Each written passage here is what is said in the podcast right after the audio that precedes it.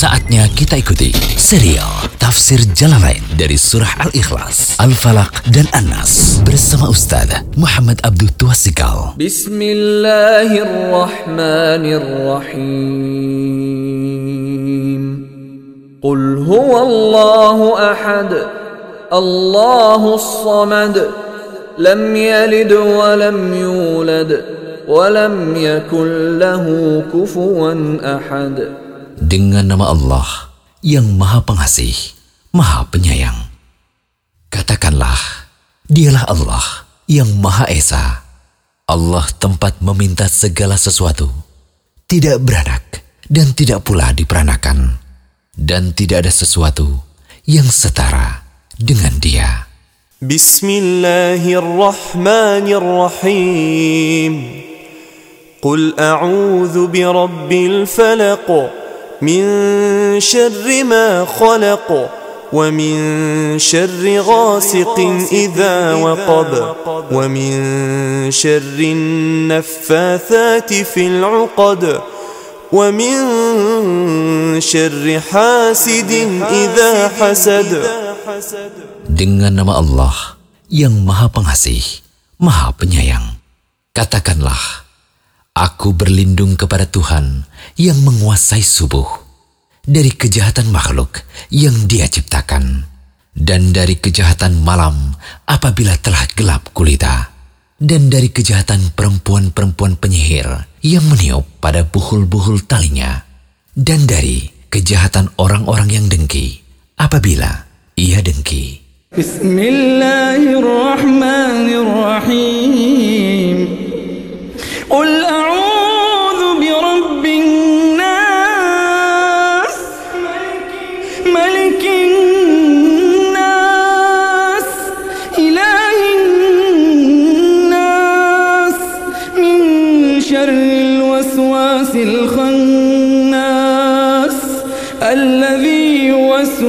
في صدور الناس من الجنة والناس Dengan nama Allah yang Maha Pengasih, Maha Penyayang. Katakanlah, aku berlindung kepada Tuhan manusia, Raja manusia, sembahan manusia, dari kejahatan bisikan setan yang bersembunyi yang membisikkan kejahatan ke dalam dada manusia dari golongan jin dan manusia. Berikut kami jelaskan tentang hadis-hadis yang dinukil dari kitab Riyadhus Shalihin. Kita tambahan dari tafsir Jalalain ini, kami nukil dari kitab lain di kitab Riyadhus Shalihin, kitab Al-Fadail, keutamaan amalan, bab anjuran membaca surat dan ayat tertentu. Nah, hadis-hadis yang dibawakan oleh hadis-hadis yang menunjukkan keutamaan tiga surat favorit yang akan kita bahas yaitu ada situ keutamaan surat Al-Ikhlas, Al-Falaq, An-Nas. Hadis pertama dari Abu Sa'id Al-Khudri radhiyallahu anhu sesungguhnya Rasulullah shallallahu alaihi wasallam bersabda tentang surat Qul huwallahu ahad surat Al-Ikhlas. Beliau katakan demi diriku yang ada pada tangannya. Walladzi nafsi biyadi innaha la ta'dilu sulusal Qur'an demi diriku yang ada pada tangannya. Sesungguhnya surat tersebut sama dengan sepertiga Al-Quran. Sedangkan dalam riwayat lain disebutkan bahwa Rasulullah Shallallahu Alaihi Wasallam bersabda kepada para sahabatnya, apakah salah seorang di antara kalian merasa lemah, tidak kuat untuk membaca sepertiga Al-Quran pada satu malam? Maka itu berat bagi mereka. Dan mereka berkata, siapakah di antara kami yang sanggup melakukan itu? Wahai Rasulullah, maka Rasulullah Shallallahu Alaihi Wasallam bersabda, "Kul huwallahu ahad, Allahu samad, sulusul Quran." Kul huwallahu ahad, Allahu samad, yaitu surat Al-Ikhlas itu sama dengan sepertiga Al-Quran. Hadis ini riwayat Bukhari. Kemudian hadis kedua dari Abu Said Al-Khudri radhiyallahu anhu. Ada seorang mendengar seorang laki-laki membaca Kul huwallahu ahad. Surat Al-Ikhlas dengan terus mengulang-ulangnya. Dia terus mengulang-ulangnya. Maka ketika waktu subuh tiba, ia datang kepada Rasulullah Shallallahu Alaihi Wasallam lalu menyebutkan tentang hal itu kepada beliau. Wa kana rajulu yataqalluha. Seolah orang itu menganggap kecil hal tersebut. Ini kok baca al-ikhlas terus. Maka Rasulullah Shallallahu Alaihi Wasallam mengatakan, "Walladzi nafsi biyadi, innaha la ta'dilu sulusal Quran." Demi diriku yang ada di tangannya, sesungguhnya itu sama dengan sepertiga Al-Quran. Hadis riwayat Bukhari.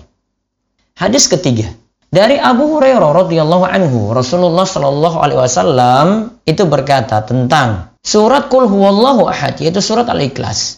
Beliau jawab, Innaha ta'dilu sulusal Quran. Sesungguhnya ia sama dengan sepertiga Al-Quran. Rawahu Muslim, hadis ini diriwayatkan oleh Imam Muslim.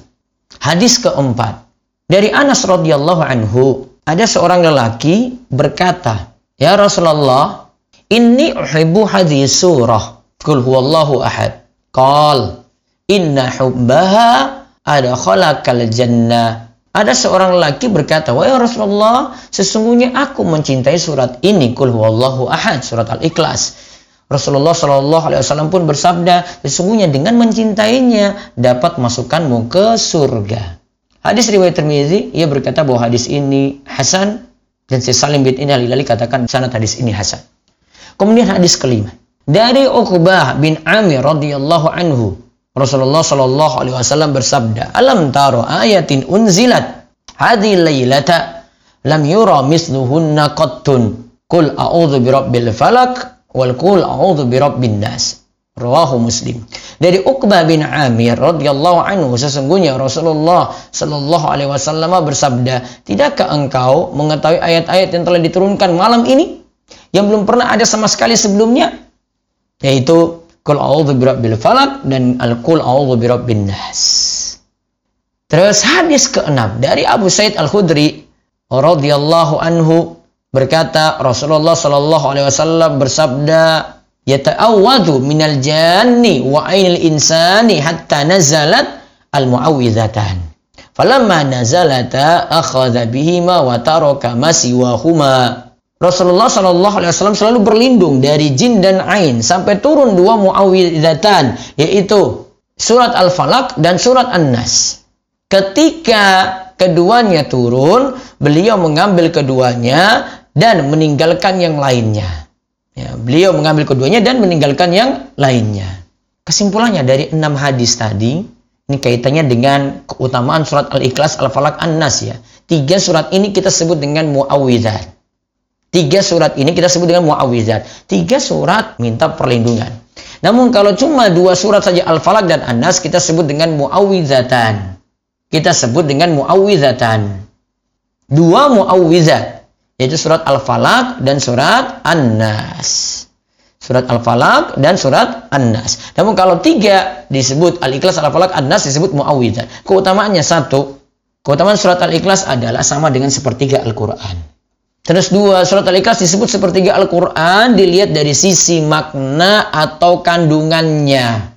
Bukan dari sisi baca tiga kali akhirnya sama dengan Al-Quran, bukan ya. Namun dari sisi makna atau kandungannya. Karena Al-Quran itu terdiri dari hukum, berita atau cerita, dan tauhid. Lihat ya, hukum, berita, dan tauhid.